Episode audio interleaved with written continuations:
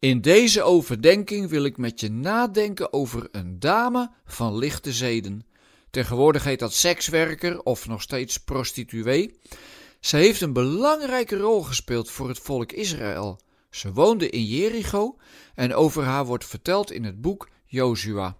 Dat is nogal een stoer boek. Het lijkt één grote triomftocht als ze Canaan veroveren. Maar als je het latere boek Richteren ernaast legt, blijkt dat er nog heel veel gebieden zijn die niet in handen van de Israëlieten waren gekomen.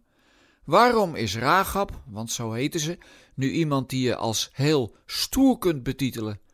Nou, dat wordt je wel duidelijk als je het verhaal weer eens leest. Ze besluit om dwars tegen de regels van de overheid in te gaan en ze zelfs op een dwaalspoor te zetten. Oh, maar in het Nieuwe Testament staat toch dat we de overheid altijd moeten gehoorzamen?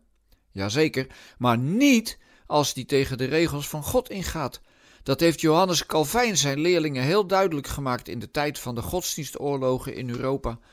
Er is helaas ook regelmatig misbruik gemaakt van deze opvatting, ook in de coronatijd.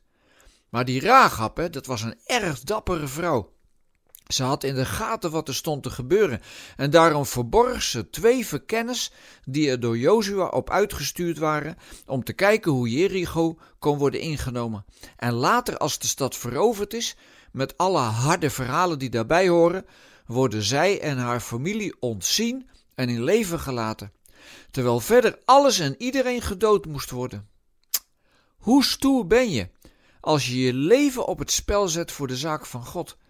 Die mensen zijn er genoeg en daar kunnen we de pet alleen maar heel diep voor afnemen. Het is trouwens interessant dat Rachel in de verhalen over haar totaal niet veroordeeld wordt vanwege haar beroep. Blijkbaar was het feit dat ze haar hart liet spreken genoeg om in de positieve herinnering van het volk Israël te worden opgenomen. Hoeveel bekende en onbekende helden zijn er niet onder ons die weigeren om mee te doen met datgene dat niet overeenkomt met Gods liefde. Dat is een heel moeilijk gebied, want christenen zijn het ook onderling lang niet altijd eens. En als het je je baan kan kosten, nou, dan moet je misschien wel wat langer nadenken. Rahab had al heel veel ontzag voor de God van Israël.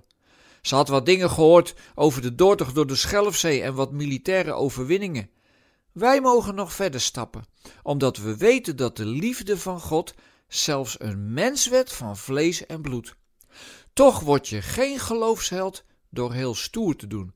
Misschien soms, maar God zoekt vooral mensen die hem niet in de weg willen staan met hoe goed zij het allemaal weten, die zich leeg durven laten maken, zodat er ruimte komt voor zijn geest. Dat is pas echte stoerigheid.